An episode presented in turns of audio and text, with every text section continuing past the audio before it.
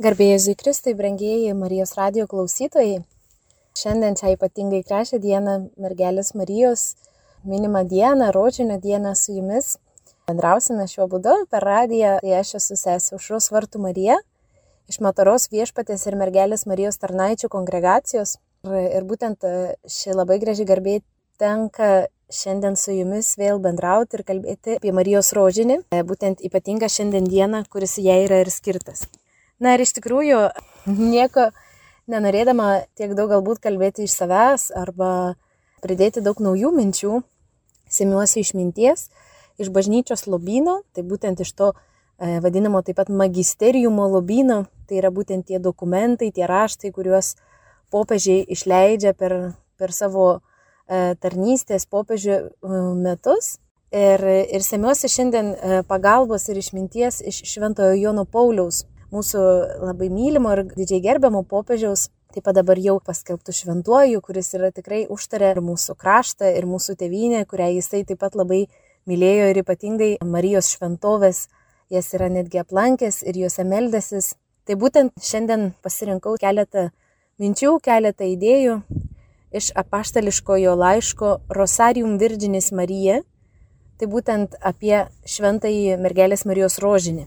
Jisai taip pat pradeda šį laišką, kuris tas apaštališkasis laiškas, kuris yra išleistas, paskelbtas 2002 metais spalio mėnesį, taip pat jisai kreipiasi taip sakydamas, kad mes net neįmanoma suskaičiuoti, kiek galybė ir daugybė e, galėtume surinkti liūdėjimų arba kiek daugybė šventųjų mėgo ir mylėjo ir naudojosi šią ypatingą šventojo rožinio maldą. Ir taip pat, taip pat daugybė popiežių yra kalbėję jau anksčiau apie rožinio maldą ir jis ypatingai išskiria popiežių Leoną XIII, taip pat Šventąjį Joną XXIII ir popiežių Šventąjį Paulių VI. Kai buvo išleistas šis apaštališkasis laiškas, popiežius Jonas Paulius II paskelbė taip pat rožinio metus. Tais metais dėl įvairių sukakčių, progos, jisai paskelbė tuos metus, skatindamas melstis rožinio maldą, ją atgaivinti, ją labiau sustiprinti. Pagrindinė galbūt šio popiežiaus laiško mintis, kad rožinio malda tai yra kontempliacijos kelias. Ir pacituosiu dabar šiek tiek iš šio dokumento, kuris sako, iš naujo susipažinti su rožiniu praktika būtina pirmiausia dėl to, kad jis labai padeda tikintiesiems įsitraukti į krikščionybės slėpinio kontempliaciją.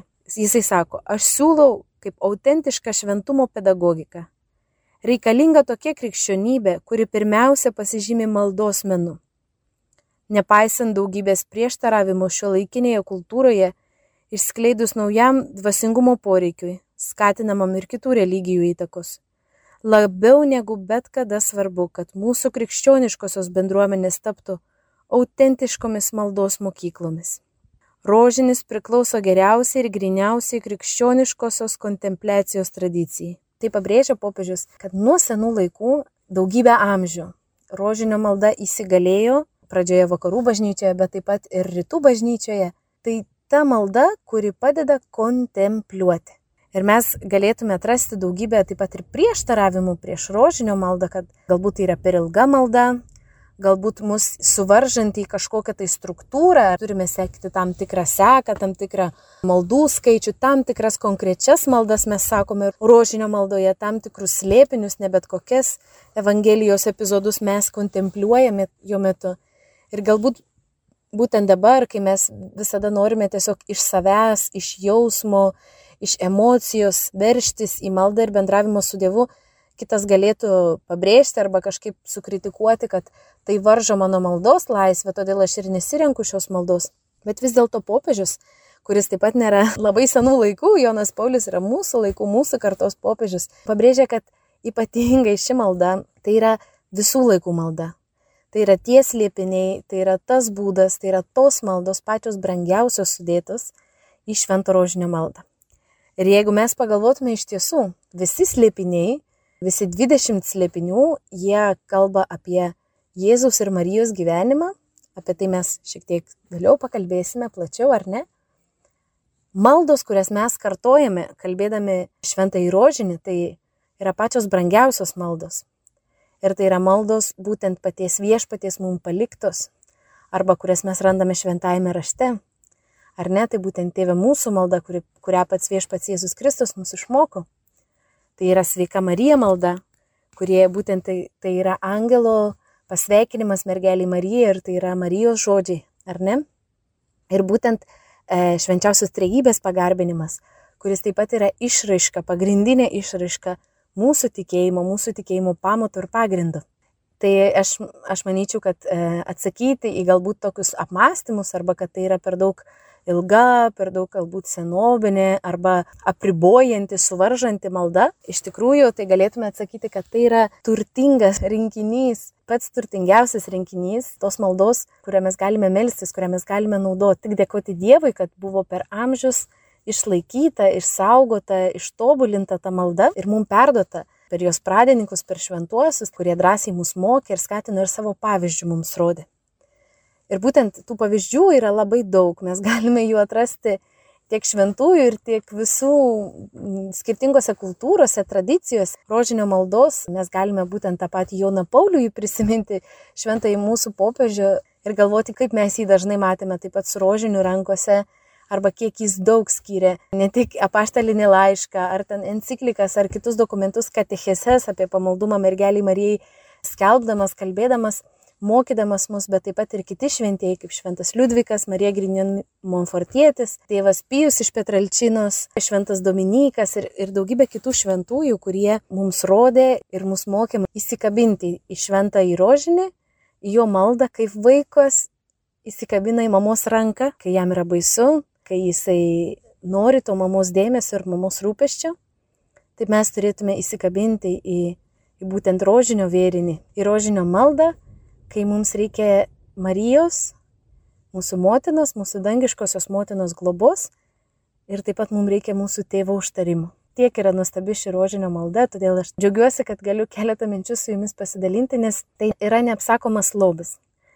Ir taip pat žinome, kad tiek bažnyčia visuomet kvietė ir toliau kviečia melstis ypatingai rožinio maldą, kai bažnyčia yra bandoma arba persekiojama arba pasaulio mastu, mūsų kasdienėme gyvenime vyksta įvairūs išbandymai, galbūt yra kažkokios bėdos, kaip karo metais, ar, ar bado metais, ar tos pačios pandemijos metais, arba kai yra puolama šeimos vertybės, moralinės vertybės, kai esame kiekvienas asmeniškai galbūt kažkaip gundomas ar, ar blaškomas, visada bažnyčia ir, ir dvasininkai mus moko kreiptis į rožinio maldą. Ir tai būtent tai yra visos bažnyčios malda apjungianti mus taip pat.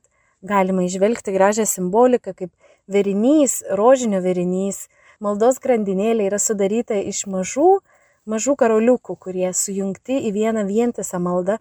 Taip pat ir mes esame būtent apjungti tos maldos, mes jungiamės pasaulyje melzdamėsi už taiką, už žmogaus vertybės, už jo gerovę, už sveikatą, už šeimas. Bet kokia intencija, kada mes besimelstume, kada mes jungiamės kartu į bendrą maldą, mes tampame tuo vėriniu. Tuo Marijos rankose tampame tie perliukai, tie, tie karoliukai, kuriuos jis gali sujungti į vienintelį vėrinį ir pristatyti mūsų maldas Dievui. Rožinio malda mums padeda kontempliuoti, kaip jau sakėme, ar ne, tai yra kontempliacijos malda, būtent mums padeda kontempliuoti Kristų kartu su Marija.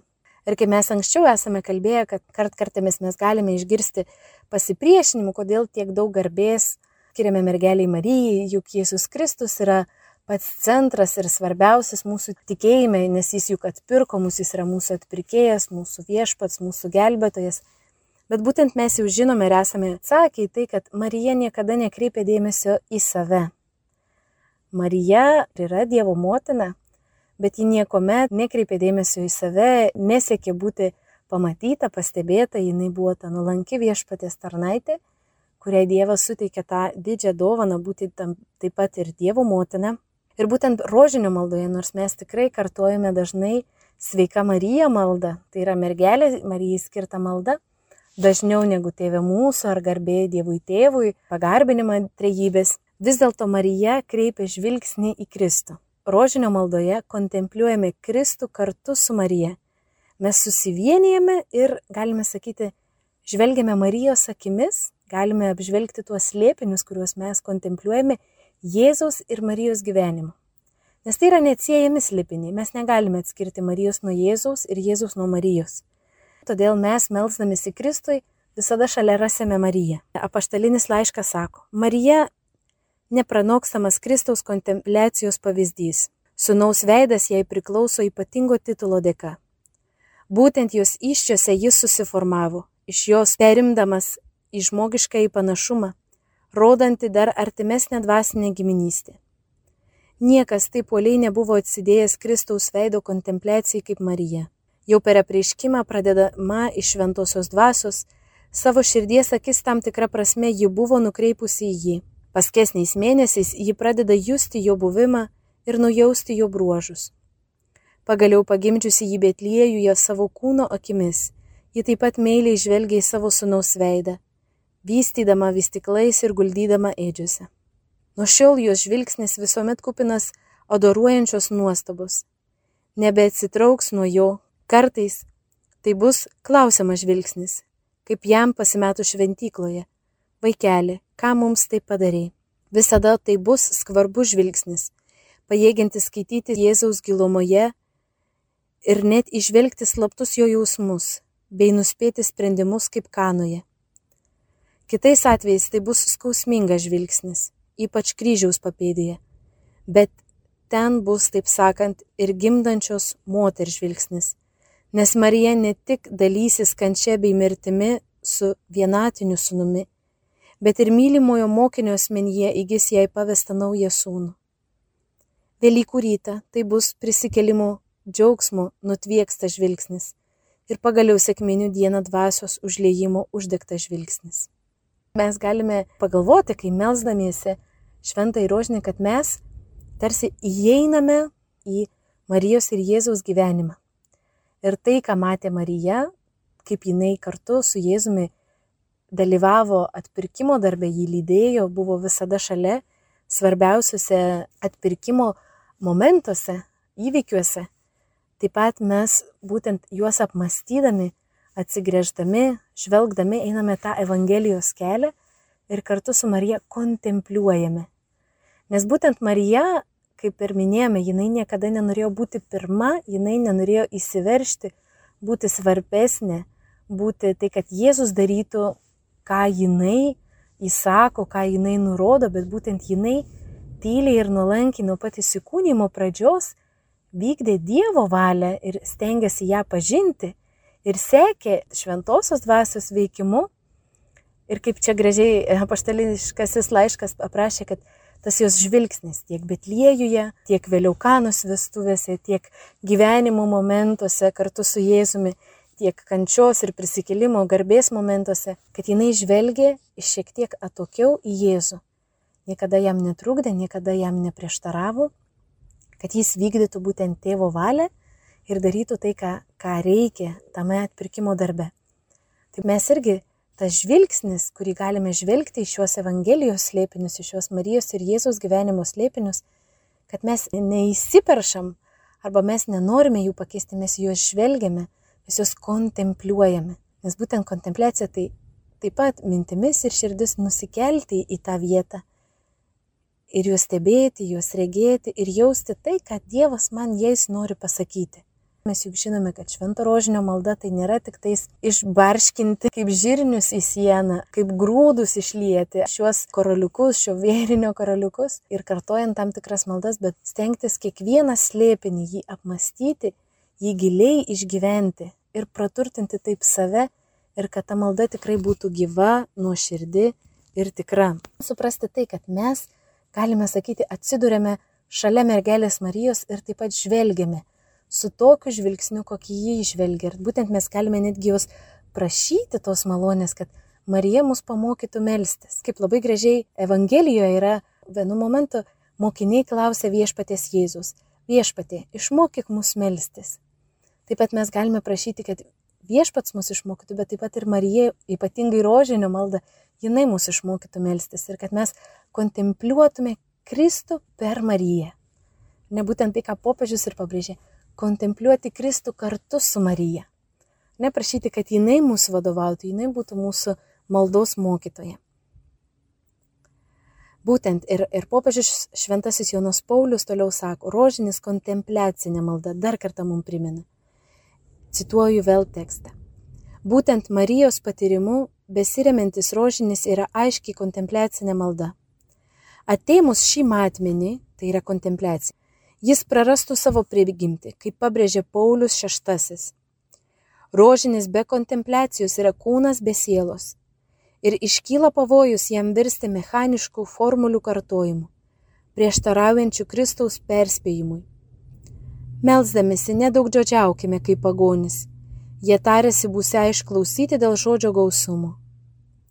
Dėl rožinio prigimties jo kalbėjimas reikalauja ramaus ritmo ir laiko Įdant jį kalbantis asmuo galėtų lengviau atsidėti viešpatės gyvenimo slėpinių kontempliacijai per širdį tos, kuri buvo arčiausia viešpatės. Ir įdant šitaip atsivertų jų neįsiemimi turtai. Nuostabų žodžiai iš tikrųjų per širdį tos, kuri buvo arčiausiai viešpatės. Tai iš tikrųjų net nebeliktų ką daugiau pasakyti. Tai kad mes, melzdamėsi rožinius slėpinius turime galimybę prisiliesti prie to, ką Marija išgyveno kartu su Jėzumi ir semti tą lobį, įsilieti į tą lobyną būtent to turto, to dieviško grožio, to dieviško gilumo, patirti, išgyventi, suprasti, žvelgti į tai, į ką žvelgia Marija. Rožinis mums duoda visą tą puokštę visą tą rinktinę tų slėpinių, tų pačių svarbiausių mūsų krikščionių gyvenime slėpinių. Toliau mes galime pažvelgti į tai, kad Kristaus slėpiniai, jo motinos slėpiniai. Tai tie slėpiniai, kuriuos mes žvelgiame rožinio maldoje, būtent šventasis Jonas Paulius II pridėjo šviesos slėpinius, iki tol tai yra buvę tik tais garbės, džiaugsmo ir kančios arba skausmingieji slėpiniai, Bet būtent šventasis Jonas Paulius II prideda ir šviesos slėpinius, kurie taip pat yra keletą ypatingųjų Jėzaus gyvenimo momentų iškelia į šviesą, kurie mums yra svarbus, yra mums reikalingi, kad mes į juos įsigilintume, juos kontempliuotume. Ir, ir būtent jisai pabrėžia, kad Kristaus slėpiniai yra jo motinos slėpiniai. Tai yra neatsiejama. Ir dar kartą cituojame tekstą. Rožinis Evangelijos santrauka. Norint įsitraukti į Kristaus veido kontempliavimą, dvasioje reikia klausytis tėvo balso, nes niekas nepažįsta sunaus tik tėvas. Netoli Pilypo Cesarėjos Petrui išpažįstant tikėjimą Jėzus patikslina, iš kur kyla aiški jo tapatybės nuojauta. Ne kūnas ir kraujas tai tau apreiškia, bet mano tėvas, kuris yra danguje, mato Evangelijoje tai prašoma. Taigi būtinas apreiškimas iš aukštybių, tačiau norint jį priimti reikia įsiklausyti. Tik tylos ir maldos patyrimas teikia deramą pagrindą tikriausio, tiksliausio ir nusikliausio pažinimo bendrinimui ir plėtojimuisi. Rožinis yra vienas tradicinių krikščioniškosios maldos kelių, susijusių su Kristaus veido kontempliavimu. Vėlgi popiežius Paulius VI aprašė kaip į atperkamojo įsikūnyjimo slėpinį sutelkta evangelinė malda, rožinis yra grinai kristologinės orientacijos malda. Būdingiausias jo elementas - litaniškas sveika Marija kartojimas. Kartu tampa nepaliaujamu liaupsinimu Kristaus, kuris yra angelo prieškimų, krikštitojo motinos pasveikinimo galutinis tikslas - palaimintas tavo iščių vaisius. Maža to, sveika Marija kartojimas sudaro ataudus, ant kurių plėtojasi slėpinių kontempliacija. Kiekvienos sveika Marija Jėzus yra tas pats, kaip ir slėpinių sekoje, atskleidžiantis Dievo sūnus ir mergelės sūnus. Netgi sveika Marija maldoje mes nežvelgiam tik į Mariją, bet žvelgiam taip pat ir į Jėzų. Nes, kaip ir sakėm, tai yra neatsiejama. Kur Marija, ten Jėzus, kur Jėzus, ten Marija. Ir netgi melzdamėsi ir kartodami, kaip tas sakė, litaniškas, tas ritmiškas, sveika Marija maldos kartojimas, mes negalime galvoti tik apie mergelę Mariją, bet mes taip pat tenais šioje maldoje atrandame patį Jėzų. Sveika Marija, malonės pilnoji viešpat su tavimi, tu pagirta tarp moterių ir pagirtas tavo sunus Jėzus. Tai būtent tavo sunus Jėzus, e, kai angelas, viešpatės angelas, arkangelas Gabrielius apsireiškė mergeliai Marijai, būtent nėra svarbiausia toje scenoje pati mergelė Marija, nei angelas, nei aplinka, kurioje ir kur tai įvyksta, bet būtent kas įvyksta, tai viešpatės įsikūnymas. Ir mes žinome, kad tai yra pats kertinis mūsų tikėjimo taip pat slėpinys, kaip Dievas, Dievo sūnus, antrasis švenčiausios trybės asmuo tampa žmogumi, priima žmogiškąją prigimti dėl mūsų išganimo. Ta pirma sveika Marijos maldos dalis mums primena būtent tai viešpatės įsikūnymą. Jėzus tampa žmogumi. Ir ta scena, būtent angelo prieškimo scena, ten pats svarbiausias yra Dievo sūnus, kuris priima žmogišką prigantį. Antroji sveika Marija dalis, kur sakome, Šventoji Marija, Dievo motina, melski už mus nusidėlius dabar ir mūsų mirties valandą. Amen.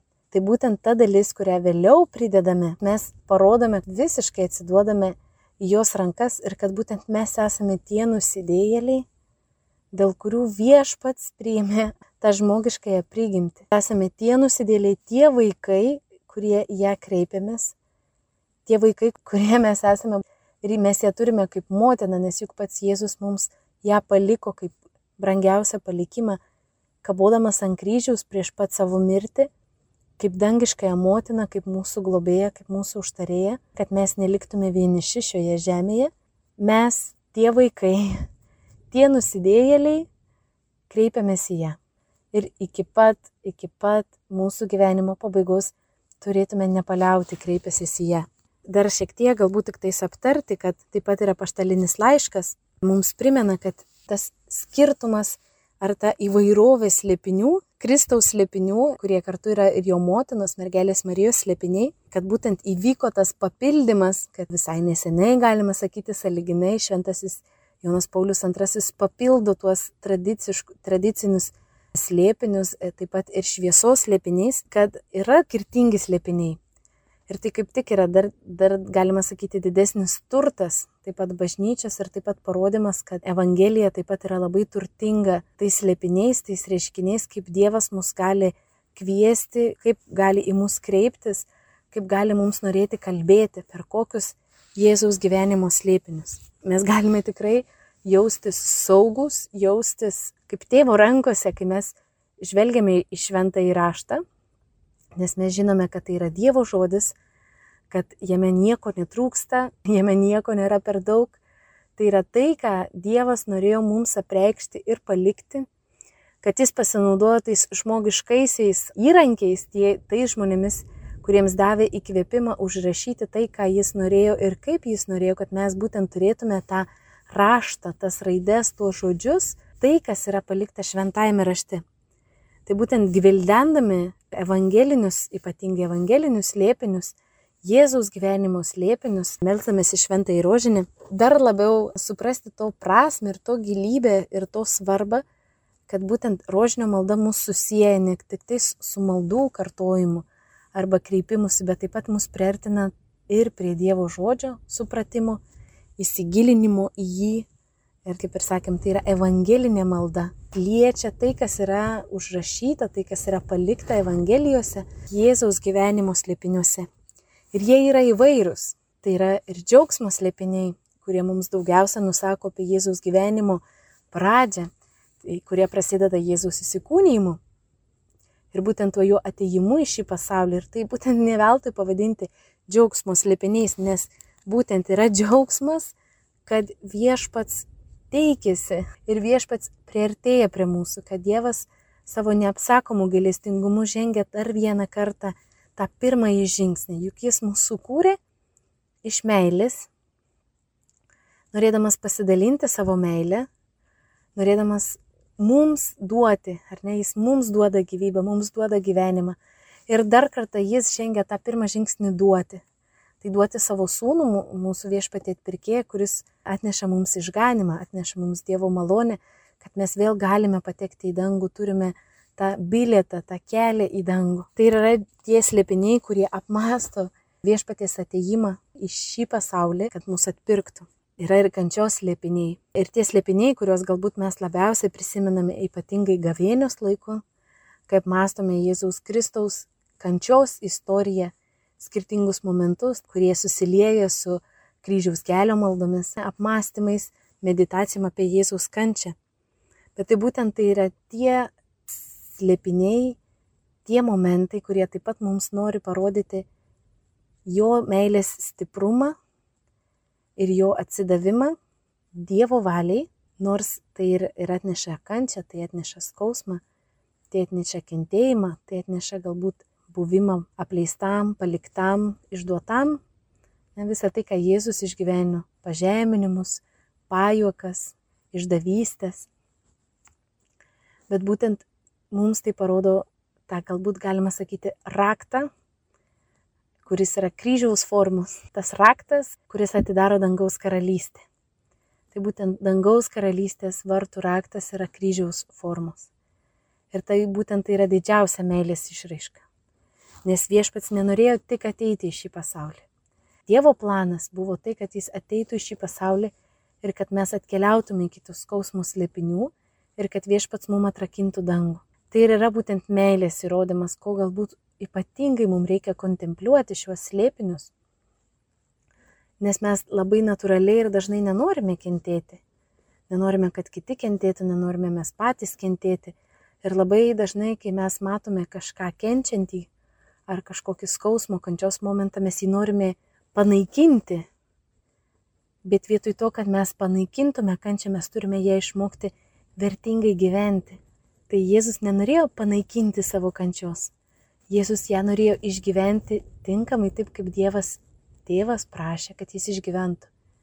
Ir būtent e, malda lyvų sode, kai jis viešpat sako, tebūnie tavo valia. Jeigu nori, patrauk šią taurę nuo manęs, bet jeigu ne, tiesie tavo, o ne mano valia. Ir tai būtent dažnai iš tikrųjų galėtume daug kalbėti, analizuojant kiekvieną slėpinį. Ir žvelgiant į tai, ir medituojant apie tai, ir kontempliuojant, kaip mes ir sakėm, ar ne? Bet būtent kančios slėpiniai tai yra ta didžioji meilės išraiška. Ir tai yra tas atsakymas į galbūt į daugybę mūsų klausimų. Garbės slėpiniai tai yra triumfo slėpiniai. Galima dar taip juos pervadinti arba papildyti, pridėti dar vieną vardą. Tai yra tai, kas ateina po mirties nes viešpaties slėpiniai nesibaigia su kančia ir mirtimi. Jeigu būtų buvę tai, tai, tai būtų pralaimėjimas, tai būtų liudesys, tai būtų kažkokia galbūt nesupratimas arba išsigandimas, jeigu viešpats nebūtų prisikėlęs garbingai triumfuojantis. Ar ne mes galvotume, kad Dievas pralaimėjo, kad mirtis nugalėjo, kad nuodėmė nugalėjo, o juk nėra taip. Tai būtent garbės slėpiniai, kuriuos mes kontempliuojame ypatingai sekmadieniais ir trečiadieniais, kai melčiamės šventojo rožinio maldą, prisimindami, kad jie viešpats nugalėjo viską. Viešpats išplėšė pergalę, jeigu viešpats nugalėjo, tai mes esame su viešpačiu, tai kas prieš mus? Jeigu jau jis, ta galva, to mūsų kūno, kur esame mes bažnyčia, nugalėjo, yra pergalinga, Pergalė yra jo rankose, vėliava iškelta, pergalės vėliava iškelta. Tai mums tai reikia ramiai būti po tą vėliavą, glaustis prie tos vėliavos ir prie paties Kristaus ir mes turėsime taip pat tą amžinąją pergalę, į kurią mus Dievas kviečia, kur mums paruošia vietą. Gyvenime taip pat įkvėpti save vilties ir to pasitikėjimo Dievo vaizdą, kad ir kas bebūtų. Kokie sunkumai be užkluptų, kokios kančios, kokie nesusipratimai, galbūt išsiskirstimas, pasidalinimai ar, ar dar kažkas. Jeigu mes esame su Kristumi, tai kas prieš mus? Na ir paskutinieji šviesos liepiniai. Kristus yra šviesa. Jau ir pats iš savęs ir mes kiekviename galbūt slėpinėje galėtume atrasti šviesos slėpinius. Bet būtent tie šviesos slėpiniai, kurie mums apšviečia, mus padeda dar labiau priartinti ir suprasti Jėzaus veikimą čia ir Jėzaus žingsnius čia žemėje, kurie mums apšviečia mūsų pažinimą, mūsų supratimą, bet taip pat apšviečia mūsų tikėjimą. Jo simbolis galime pavaizduoti aklasis, ar ne, netgi liturginėme mene dažnai vaizduojama aklasis. Nes tikėjimas tai yra, kai mes negalime apčiuopti, kai mes negalime patirti fiziškai, bet mes tikime, mes pasitikime, mes atsiduodame į kito rankas. Ir būtent tie šviesos liepiniai mums padeda stiprinti mūsų tikėjimą, nes jie duoda tos šviesos spindulėlius, kurie apšviečia mūsų tikėjimą, kurį jie pagilina ir duoda mums daugiau pažinimo Jėzaus gyvenimo ir duoda mums daugiau supratimų. Būtų galima kalbėti ir kalbėti apie rožinio maldą, bet svarbiausia tai yra ją melstis. ją melstis bent dalį rožinio, bet ją melstis iš tikrųjų, melstis e, su gyva širdimi, trokštant melstis, siekiant, kaip mes jau kalbėjome pradžioje, susilieti su mergelė Marija, suvienyti, sujungti tas širdis, kontempliuoti, žvelgti į Kristų. Ta rožinio malda yra iš tikrųjų kaip ta gražioji gesmė, kurie kyla į dangų, kaip smilkalo dūmai, kurie gali įkilti į dangų viešpaties pagarbinimui nes tai yra kaip ta gražioji, kvapnioji puokštė maldos, kurią mes galime paskirti Dievui, kurią mus bažnyčia dažnai kviečia jungtis ir vienytis už kažkokią tai bendrą intenciją. Tai yra tai, kas mus jungia, tai, tai kas mus vienyje. Čia mus, tai yra tikinčiuosius vieni su kitais. Bet kas svarbiausia, tai mus jungia ir vienyje su mergelė Marija ir mūsų viešpačiu Jėzumi Kristu. Tai iš tikrųjų norėčiau paraginti visus pakviesti, ne tik tai spalio mėnesį skirti viešpačiui šią maldą, bet visuomet, nuolatos atrasti būdų, galimybių, susikurti kažkokį tai įprotį, paskirti laiko šiai maldai. Ir iš tikrųjų kasdien skirdami rožinio maldai laiko mes prisiliesime ir prie Dievo žodžio, prisiliesime prie paties viešpatės, prie jo motinos ir tai mus labai labai praturtins. Tai bus tas mūsų kelias, tas mūsų ta grandinė, tie laiptai į dangų. Tai visus Marijos radio klausytojus, Marijos mylėtojus sveikinu su šia gražia švente, su šiuo gražiu minėjimu ir tebūnie mergelė Marija būna ta dieviška motina, kurią kaip ir aš pradžioje sakiau, kad mes įsikipdami į rožinio grandinėlę, į rožinio vėrinį, mes jaustume, kad mes įsikimbam į mūsų dieviškosios motinos ranką ir nenorėkime jos paleisti, nes mums jos visada reikia. Kokie dideli bebūtume, mums reikia dieviškosios motinos globos ir užtarimo. Tai gražios šventės ir tegul mergelė Marija mus visus globoja, mus saugo ir mus vienyje.